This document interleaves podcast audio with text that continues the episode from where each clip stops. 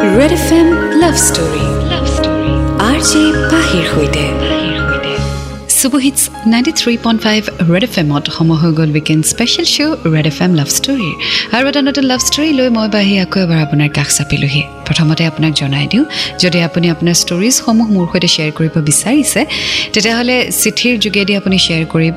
ঠিকনাটি ফেচবুকতো আছে ইনষ্টাগ্ৰামতো আছে মই ইনষ্টাগ্ৰামত আছোঁ এজ আৰ জে পাহি আৰু মোৰ ফেচবুক পেজ হৈছে red F M R J পাহি যদি আপুনি লিখি ল'ব বিচাৰিছে তেতিয়াহ'লে লিখি লওক। আমাৰ ঠিকনাটি হৈছে red F M office Jupitara palace first floor A B C G S road Tarun Nagar pin code seven eight one double zero' five এইটো হৈছে আমাৰ পোষ্টেল এড্ৰেছ কিন্তু আপোনাৰ বয়স ওঠৰ বছৰতকৈ বেছি হ'ব লাগিব। আপোনাৰ ষ্টৰীত যাতে কোনো ধৰণৰ ভায়লেঞ্চ নাথাকে। এণ্ড ছ'চিয়েলি একচেপ্টেবল ষ্টৰী হ'ব লাগিব। আৰু সেই ষ্টৰী আমালৈ লিখি পঠিয়াই দিব। বাছ মন কৰিব যাতে আপোনাৰ ষ্টৰী খুব বেছি চুটিও নহয় আৰু বহুত বেছি যাতে দীঘলো নহয়। যিহেতু দুঘণ্টাৰ এটি প্ৰগ্ৰেম গতিকে সেইদৰে মই ষ্টৰিটি মিলাব লাগিব। গতিকে বহুত চুটিকৈ ষ্টৰিটি পঠিয়াই দিলে মোৰ অসুবিধা হ'ব আৰু বহুত বেছি দীঘলকৈ পঠিয়াই দিলে আমি হয়তো নিজেই চুটি কৰিব লাগিব। চ' যিমান পাৰে যিখিনি মূল কথা যিখিনি ভাল লগা মুহূৰ্ত যিখিনি একেবাৰে আনএভইডেবল মুমেণ্টছ চিটুৱেশ্যনছ বা চাৰ্কামষ্টেঞ্চেছ সেইখিনি চিঠিত লিখি পঠিয়াই দিব। আৰু সদায় কোৱাৰ দৰে মই এইটো কমেই যে আমি পাৰ্টনাৰৰ নামসমূহ চেঞ্জ কৰি দিওঁ ফৰ ছেফটি পাৰ্পাছ গতিকে সেইটোত যাতে আপোনালোকে দায় দোষ নধৰে। আমি ফৰ পাৰ্চনেল ছেফটি আপোনাৰ পাৰ্টনাৰ মানে আপোনাৰ বয়ফ্ৰেণ্ড বা আপোনাৰ গাৰ্লফ্ৰেণ্ডৰ নাম কিন্তু চেঞ্জ কৰি দিম। চ' আজিও এটি ষ্টৰী লৈ আগবাঢ়িম। Do stay tune in ninety three point five red F M বাই জাতে ৰহ red F M love story love story R J পাহিৰ সৈতে ninety three point five red F এমত মই আপোনাৰ সৈতে Pahi and welcome back to special show' red F M love story চ' আহক আজি পঢ়োঁ এখন নতুন চিঠি চিঠিখন পঠিয়াইছে মঙলদৈৰ পৰা নুৰ মহম্মদে তেওঁ নিজৰ ষ্টৰিটিৰ নাম দিছে এই ভালপোৱা আৰু ভাল লগা যেন শেষ হৈ নাযায় হাই পাহিবা পোনপ্ৰথমতে মই আপোনালৈ হিয়া ভৰা শুভেচ্ছা জ্ঞাপন কৰিলোঁ আশা কৰোঁ আপুনি ভালেই আছে পাহিবা মই আপোনালৈ কেইবাবাৰো এফ পিৰ জৰিয়তে মোৰ মনৰ কথাবোৰ পঠিয়াইছিলোঁ। কিন্তু হয়তো আপুনি গ্ৰহণ নকৰাৰ বাবে আপোনাৰ ঠিকনা বিচাৰি উলিয়াই হাতে লিখি পঠিয়ালোঁ। পাহিবা মই আপোনাৰ প্ৰগ্ৰেমবোৰ আজি দুই বছৰ ধৰি শুনি আছোঁ। সঁচাই আপোনাৰ মাত প্ৰগ্ৰেমবোৰ শুনিলে মোৰ বহুত ভাল লাগে। পাহিবা কথা এষাৰ উল্লেখ আছে নহয় যে ভালপোৱা কেতিয়া ক'ত কাৰ লগত কেনেকৈ হৈ যায় কোনেও ক'ব নোৱাৰে। মোৰো তেনেকুৱাই হৈছিলে। ভাবিছিলোঁ যে কোনো ধৰণৰ প্ৰেম ভালপোৱাত মই নপৰোঁ কিন্তু সেয়া নহ'ল পাহিবা। মোৰ নাম নুৰ মহম্মদ।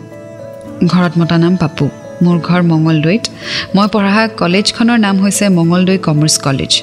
মই বৰ্তমান ফাৰ্ষ্ট ছেমিষ্টাৰত পঢ়ি আছোঁ আৰু লগতে মই এটা পেন কাৰ্ডৰ অফিচত কাম কৰোঁ। মোৰ বয়স তেইছ বছৰ। চ' আজি শুনি গৈ থাকিম নুৰ মহম্মদৰ লাভ ষ্টৰী এই ভালপোৱা আৰু ভাল লগা যেন শেষ হৈ নাযায়।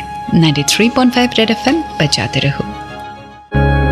Red F M love story love story R J পাহিৰ সৈতে। Superhits ninety three point five red F এমত মই আপোনাৰ সুধে পাহি এণ্ড ৱেলকাম বেক চলি আছোঁ weekend special show' red FM love love story আজি শুনি আছোঁ নুৰ মহম্মদৰ লাভ ষ্টৰী এই ভালপোৱা আৰু ভাল লগা যেন শেষ হৈ নাযায়। আগলৈ তেওঁ লিখিছে পাহিবা সেইদিনা আছিলে এঘাৰ ন দুহেজাৰ ঊনৈছ। মই হঠাতে সেইদিনা খাৰুপেটীয়া কলেজৰ ফালে ফুৰিবলৈ গৈছিলোঁ য'ত মোৰ মামাৰ ছোৱালীজনী পঢ়ে।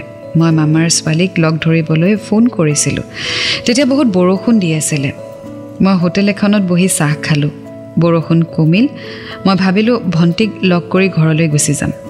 কি হ'ল জানেনে পাহিবা? ভণ্টিৰ লগত আৰু এজনী ছোৱালী আহিছিল যাক মই বৰ্তমান ভাল পাই আছোঁ। চ' ভনীয়েকৰ লগত এজনী ছোৱালী আহিছিলে। And that is the main character আৰু তাইৰ সৈতে বৰ্তমান নুৰ মহম্মদ ৰিলেশ্যনশ্বিপত আছে। চ' হুচি ইজ জানিবলৈ অকণমান অপেক্ষা কৰক and ninety three point five Red F M বাজাতে ৰহো Red F M love story love story R J পাহিৰ সৈতে। Superhits ninety three point five Red F এমত মই আপোনাৰ সৈতে পাহি শুনি আছে আপুনি weekend special show' Red F M love story আজি শুনি আছোঁ নুৰ মহম্মদৰ লাভ ষ্টৰী এই ভালপোৱা আৰু ভাল লগা যেন শেষ হৈ নাযায়। আগলৈ তেওঁ লিখিছে তাইৰ নাম নীলিমা। তাই পঢ়া কলেজখনৰ নাম খাৰুপেটীয়া কলেজ। তাই খাৰুপেটীয়া টাউনতেই ৰুম ভাড়া কৰি থাকে তাইৰ ভাগিনী ছোৱালী এজনীৰ লগত। ঘৰৰ পৰা কলেজখন অলপ দূৰ হোৱাৰ বাবেই ভাড়া কৰি থাকে। কি হ'ল জানেনে পাহিবা তাইক দেখাৰ পিছত মোৰ কিবা এটা যেন ভাল লাগিছিল। মই ঘৰলৈ আহিলোঁ। তেতিয়া মোৰ এনেকুৱা লাগিছিল যে তাইৰ লগত এবাৰ কথা ক'লে হয়তো মোৰ বহুত ভাল লাগিল হয়। মাজতে এটা সপ্তাহ পাৰ হৈ গ'ল। কিন্তু কেনেকৈ কি হ'ল সেই কথা মই উল্লেখ কৰিব নোৱাৰিলোঁ পাহিবা তাইৰ লগত প্ৰথমতে মোৰ কথা মোবাইলত হৈছিলে। মই বহুতো কথা তাইক সুধিলোঁ। যে তাইৰ কোনো ধৰণৰ ভালপোৱা আছে নেকি তাইৰ ক'ত ঘৰ তাই কোন ইয়াৰত পঢ়ি আছে। আৰু তাইক কৈছিলোঁ যে মই যে তোমাক ভাল পাই পেলালোঁ তুমি মোক এৰি গুচি যাবা নেকি?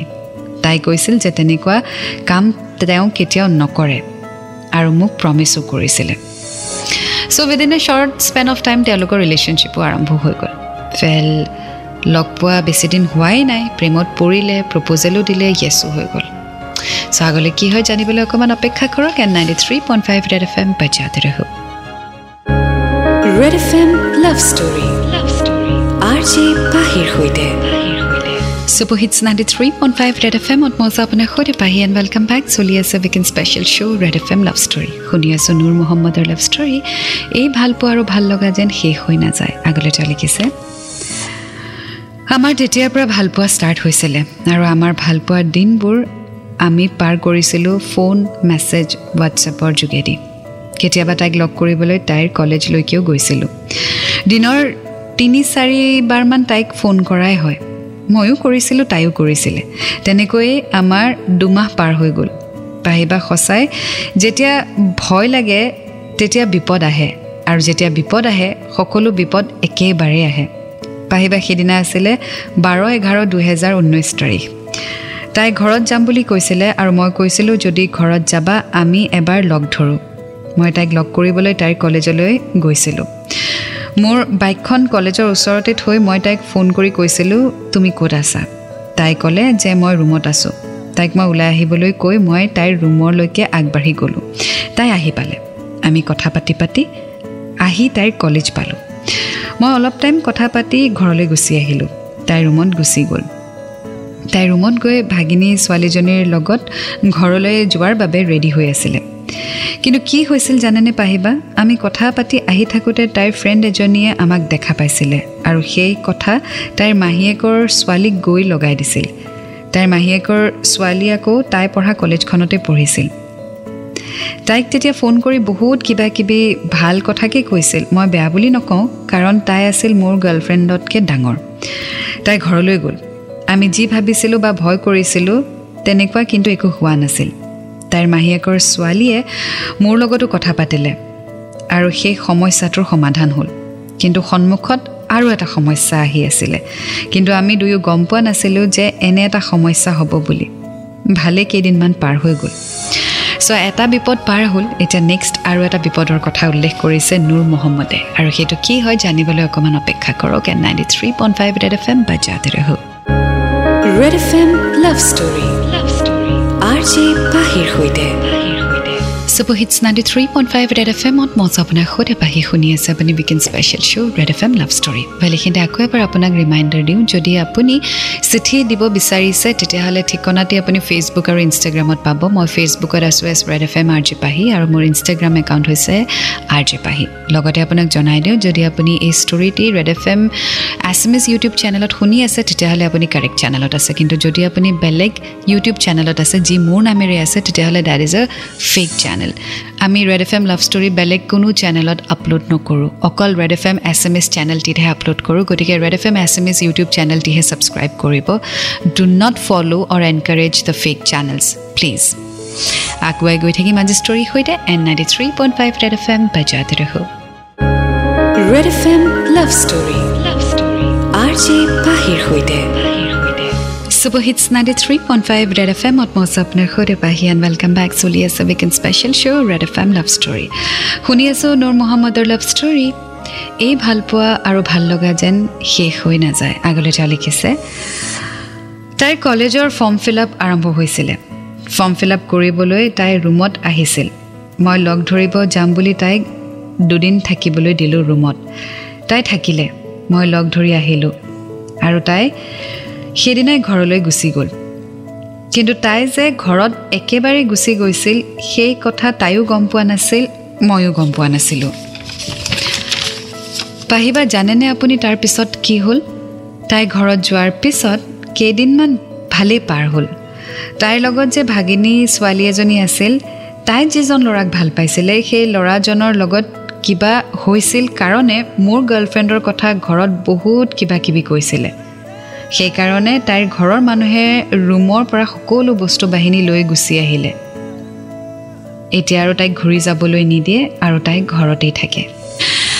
চ' এটা মিছআণ্ডাৰষ্টেণ্ডিং হ'ল আৰু কোনে ক'ত কি কথা লগালে সেয়া আমি ভালকৈ নাজানো যিহেতু ডিটেইলছত চিঠিখনত লিখা নাই। কিন্তু কোনোবাই কাৰোবাৰ কথাত লগালে আৰু তাৰ বাবে নীলিমাক একেবাৰে ঘৰৰ মানুহে হোষ্টেলৰ পৰা লৈ আহিলে। চ' আগলৈ কি হয় জানিবলৈ অকণমান অপেক্ষা কৰক। And ninety three point five F M বাজাতে ৰহো Red F M love story love story R J পাহিৰ সৈতে Super Hits 93.5 Red FM on মই আপোনাৰ সৈতে Pahi and welcome back to weekend special show' Red F M love story আজি শুনি আছোঁ নুৰ মহম্মদৰ লাভ ষ্টৰী এই ভালপোৱা আৰু ভাল লগা যেন শেষ হৈ নাযায় আগলৈ তাৰ লিখিছে পাহিবা আমাৰ যে কিমান কাজিয়া লাগিছিল কিন্তু আমাৰ মাজত এৰা এৰি হোৱা নাছিল পাহিবা ভালপোৱা যে এনেকুৱা তাইৰ পৰাহে মই শিকিছিলোঁ আৰু তাইক মই শিকাইছিলোঁ এনেকুৱা যেনহে লাগি আছিল। তাই মোক বহুত ভাল পায় আৰু ময়ো তাইক মনে প্ৰাণে ভাল পাওঁ। তাইৰ এক্সাম আৰম্ভ হ'ল আৰু ফাৰ্ষ্ট যিদিনা এক্সাম আছিলে সেইদিনা মই লগ ধৰি আহিলোঁ। আমাৰ এক্সামো আৰম্ভ হ'ল আৰু মাজতে এমাহ মাত্ৰ ফোন মেছেজৰ মাজেৰে পাৰ হ'ল। তাইৰ শেষ এক্সাম আছে twenty nine one twenty twenty সেই তাৰিখে মোৰো শেষ এক্সাম আছে। মই এক্সাম শেষ কৰি তাইক লগ ধৰি আহিলোঁ। আমাৰ কিজানি টু মান্থছ আৰু দেখা নহয়। গতিকে পাহিবা ভেলেণ্টাইন্স ডে' আহি আছে। আমাৰ এই লাভ ষ্টৰীখনকে তাইক উপহাৰ হিচাপে মই দিব বিচাৰিছোঁ যদিহে আপুনি এই উপকাৰখিনি কৰে। পাহিবা আপোনালৈ অশেষ ধন্যবাদ থাকিলে। আপোনাক আমাৰ মাজত ভগৱানে অসংখ্যক দিনলৈ জীয়াই ৰাখক। পাহিবা আমাৰ কাৰণে আপুনি ভগৱানৰ ওচৰত অলপ প্ৰাৰ্থনা কৰিব যাতে আমি দুয়ো ছাকচেছ হ'ব পাৰোঁ আৰু আগলৈ আমাৰ এই লাভ ষ্টৰীৰ বাকীখিনি শ্বেয়াৰ কৰিব পাৰোঁ। লগতে আৰু এজনী মানুহক মই অশেষ ধন্যবাদ দিব বিচাৰোঁ যিজন মানুহে মোৰ আৰু আমাৰ এই ৰিলেশ্যন গঢ়ি উঠাৰ বাবে বহুত হেল্প কৰিছে। So' thank you so' much and best of luck well thank you so' much Noor Mohammad তুমি তোমাৰ ষ্টৰি শ্বেয়াৰ কৰিলা। ৱেল এই ষ্টৰিটি টু থাউজেণ্ড নাইনটিনত আহিছিলে চ' টু থাউজেণ্ড টুৱেণ্টিত তোমালোকৰ পৰীক্ষা শেষ হ'ল এণ্ড আই হোপ তোমালোকৰ এক্সাম ভাল হৈছে। আৰু এই বছৰটিটো অবভিয়াছলি চবৰে বেয়া গৈছে চ' আই এম হোপিং যে তোমালোকৰো একেই হ'ল মানে ঘৰতে থাকিবলগীয়া হৈছিল চাগে বিকজ অফ দ্য পেণ্ডেমিক এতিয়াও থাকিবলগীয়া হৈছে। বাট য়েছ আই হোপ তোমালোকৰ লাভ ষ্ট্ৰং আৰু স্মুথলি গৈ আছে। আৰু যদি যোৱাও নাই don't worry it's a part of life you have to understand আৰু এই লকডাউনৰ সময়ত আমি বহুত কথা শিকিলোঁ। গতিকে এনেকুৱা ধৰণৰ চিটুৱেশ্যনত কি কৰিব লাগে ডেফিনেটলি তুমি জানিবা কাৰণ আমি আটাইতকৈ ডাঙৰ চিটুৱেশ্যন পাৰ কৰিলোঁ। কোনেও ভবা নাছিলে যে আমি ছমাহৰ কাৰণে ঘৰত লকডাউন হৈ যাব লাগিব।